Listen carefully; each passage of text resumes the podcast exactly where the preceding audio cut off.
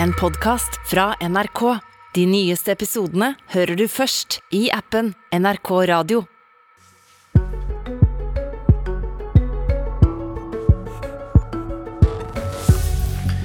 Det har blitt slått alarm om forholdene på sykehusene. Kapasiteten på intensivavdelingene må opp, sier slitne helsearbeidere. Men tallene viser at det ikke er ekstraordinært mange innlegginger, og et fåtall av dem er koronapasienter. Så hva er da svaret? Er det slik Frp har bedt om nå, øke i intensivkapasiteten, eller bør vi tenke annerledes om hvordan vi takler ei smittebølge? For mange helsearbeidere har hatt ei tøff og lang jobbeøkt. På intensivavdelingene på sykehusene har vi hørt flere historier om krevende bemanning og slitne ansatte etter en lang periode med pandemi, og så mange innlagte med RS-virus i høst. Statsminister Støre har sagt at kapasiteten på intensivavdelingene er avgjørende for hva andre tiltak vi må fatte ute i samfunnet. Og hvis det er slik, så blir jo vurderinga av intensivkapasiteten og det politiske svaret på det viktig for oss alle. Henrik Vogt, du er det som heter postdoktor i medisinsk etikk ved Universitetet i Oslo. Velkommen hit. Takk. I en kronikk i Aftenposten har du peka på noen dilemma. Ehm, slik du ser det, hva sier egentlig tallene om hvor pressa situasjonen er på intensivavdelingene på sykehusene? Nei, altså, jeg tenker at vi må se på det som skjer nå som en form for, for, svikt i forhold til de forventningene som er skapt tidligere om hva vi kan forvente av helsevesenet i å ta en bølge i koronapandemien. Sånn at rent faktisk nå, så, altså, Vi har jo blitt lovet at det skal kunne håndteres over 1000 intensivpasienter på det meste i, på norske intensivavdelinger. I dag så er tallet 68. 68 innlagt eh, i dag. På intensivavdelingene ja, ja. i dag. Eh, I Helse Sør-Øst, som er det største helseforetaket som håndterer tre millioner mennesker i Norge, så, er, så har vi tidligere blitt skissert at man skal kunne håndtere på det aller meste 678. Nå er tallet 43. Eh, og man har også skissert at man skal kunne ha 4500 sykehuspasienter altså på sykehus. Nå er tallet 262. Sånn at Det er en veldig stor diskrepans mellom hva som ligger eh, på sykehusene nå, og hva som er blitt skissert at man skulle kunne håndtere på det meste. Mm.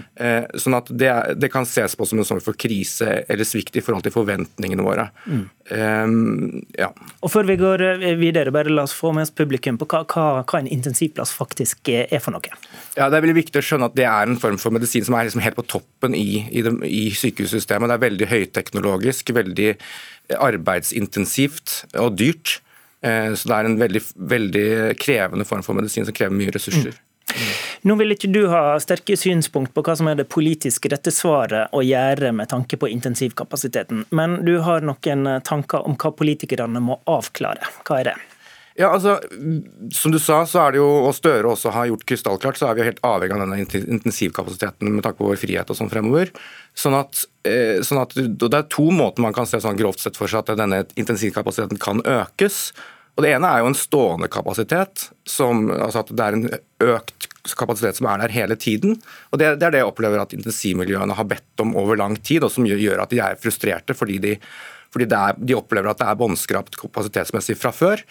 Um, og Det virker også legitimt. og Hvis man får en litt høyere intensivkapasitet, spesielt på sykehus som Ahus, som har kjempestor belastning, hatt veldig, kanskje den største belastningen i pandemien, så vil også fleksibiliteten kunne bli noe bedre. Uh, samtidig så ser ikke jeg for meg at man kan håndtere store bølger på bakgrunn av en stående kapasitet, en slags stående her. og Dette er jo som sagt også veldig dyrt. Hva er alternativet? Så, ja, så alternativet blir en slags bølgekapasitet, en fleksibilitet i systemet som gjør at man kan mønstre uh, intensivsykepleiere osv. midlertidig eh, og, og, og, håndtere bølger. Eh, og Det er jo også beredskapsplaner for det.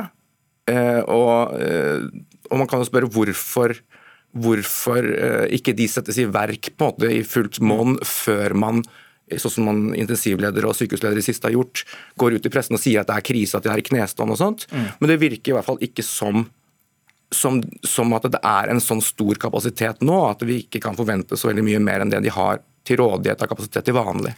Nettopp. Takk for at du skisserte noen dilemmaer for oss, Henrik Vogt. Vi går videre til politikerne. Tall fra Helsedepartementet har altså slått fast at vi har 289 intensivplasser i en ordinær driftssituasjon. Akkurat nå, som Vogt nevnte, ligger det 68 koronapasienter på intensiv, med andre ord langt unna. Bård Hoksrud, du er helsepolitisk talsperson i Frp. Frp snakka i NRK i helga om at intensivkapasiteten må opp. Hvorfor? Nei, Det handler jo om at hvis vi skal sikre at vi har et samfunn som kan være mest mulig åpen og minst mulig inngripende tiltak, ja da må man ha eh, en bedre intensivkapasitet. Og spesielt når det er det som er det eh, de faglige rådene er på, at det er det som man skal legge til grunn i forhold til hvilket nivå vi legger på de tiltakene vi har. Og så er det jo sånn at uh, Senest i går kveld så valgte sykehuset i mitt hjemfylke Telemark å gå over og, og sette seg i beredskap uh, og kneppe til ett hakk. og Det går bl.a. på kapasiteten på intensivavdelinga. Så det viser jo at det er et behov nå for å styrke intensivkapasiteten. Og så tror jeg at man får nok ikke øka til, til 1000 eller for å møte en pandemi, men vi har altså 289 plasser i Norge i dag. Eh, og Fremskrittspartiet har foreslått i vårt alternative statsbudsjett at vi bør øke det med 50 nye plasser.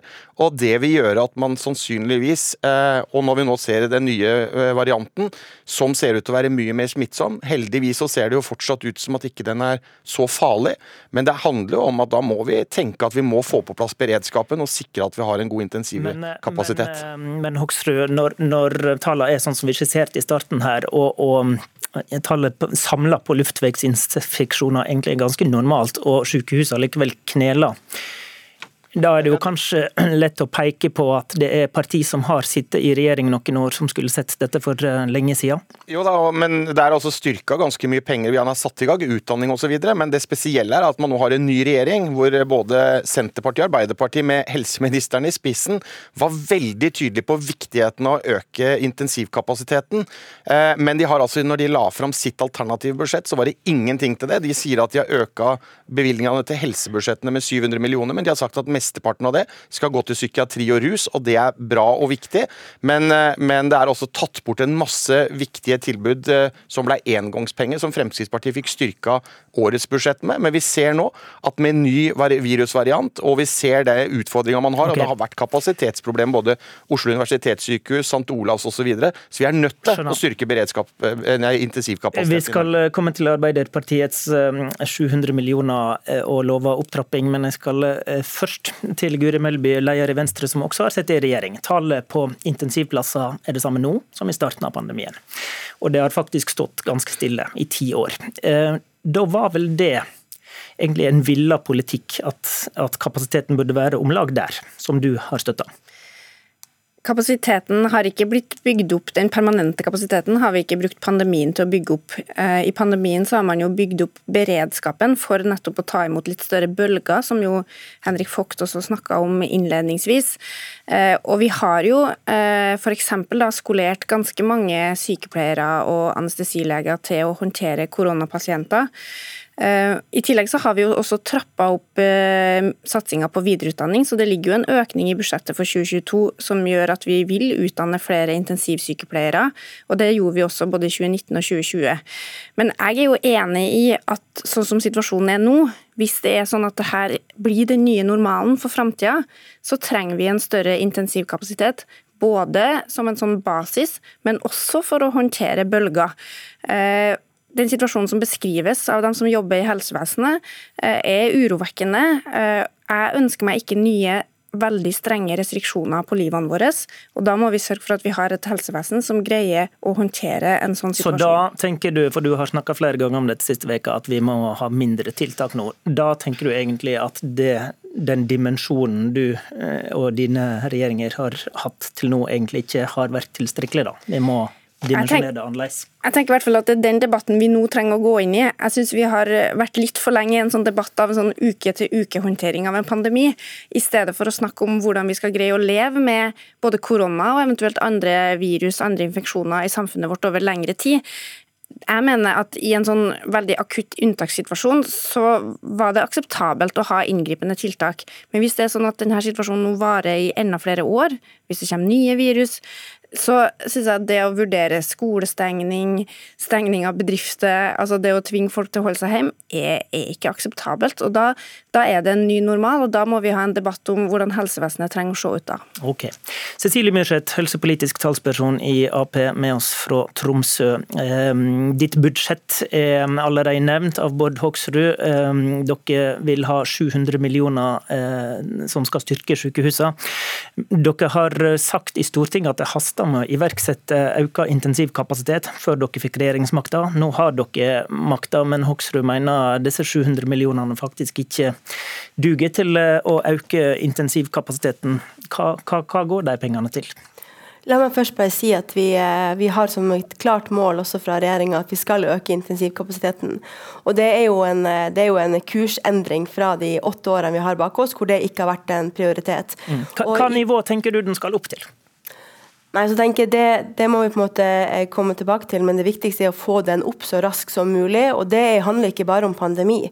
Det handler jo om at vi har også en aldrende befolkning med, eh, som kommer til å ha mer sammensatte eh, helseutfordringer, som gjør at vi kommer til å trenge en styrka intensivkapasitet. Men, men, det betyr at i den, i den styrka basisfinansieringen som dere har mm. lagt inn med 700 millioner, så er ikke det egentlig definert hva som skal gå til intensivplasser da?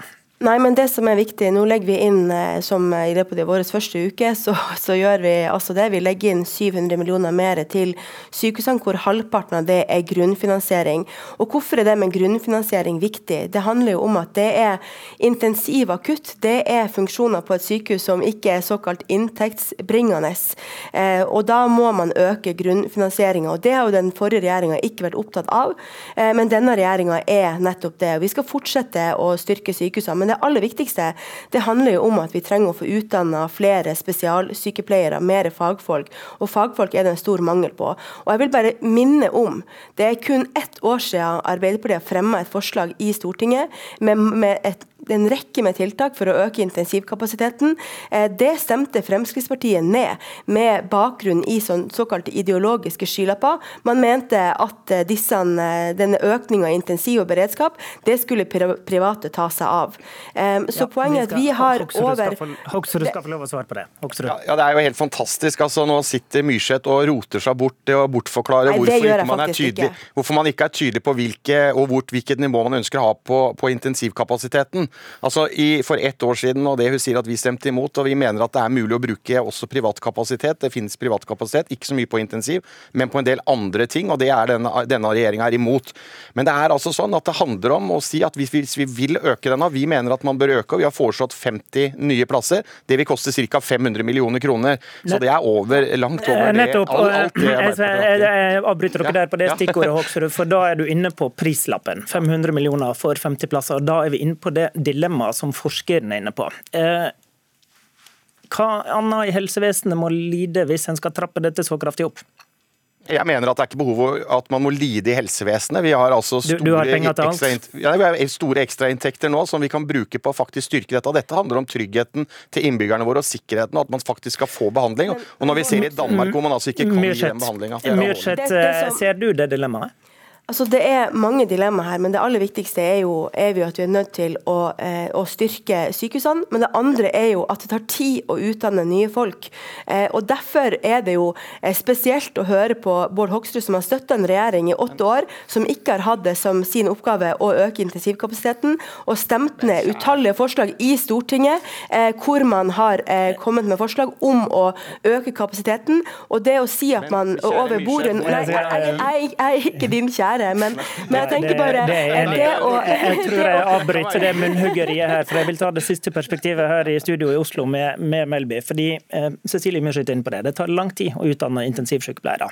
Når du har argumentert for at vi nå må være forsiktige med inngripende tiltak, tenker du i praksis da at de som jobber på hardt pressa sykehusavdelinger, faktisk må forberede seg på som folk var inne på, å takle enda flere pasienter, slik at vi andre kan nyte fridommen?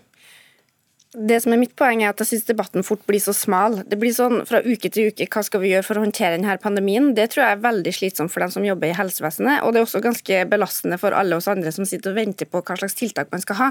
Og det er ikke sånn at pandemien bare, altså Håndtering av pandemien handler ikke bare om intensivplasser, det handler jo om totalen i helsevesenet. Det handler også om hvor mange som har sykefravær, det handler om primærhelsetjenester. Så jeg synes debatten går veldig sånn vill inn på noen veldig smale spor.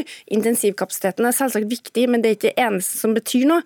Men jeg savner en regjering som løfter perspektivet om hvordan vi skal greie å leve med et virus i samfunnet vårt, ikke bare i år, men også neste år. Og da er det for Venstre uaktuelt ja. å diskutere veldig inngripende tiltak. Da um, skulle Myrseth fått svart på det, men så gikk klokka, og um, Politisk kvarter var over. Takk til alle tre. I studio, Håvard Grønli.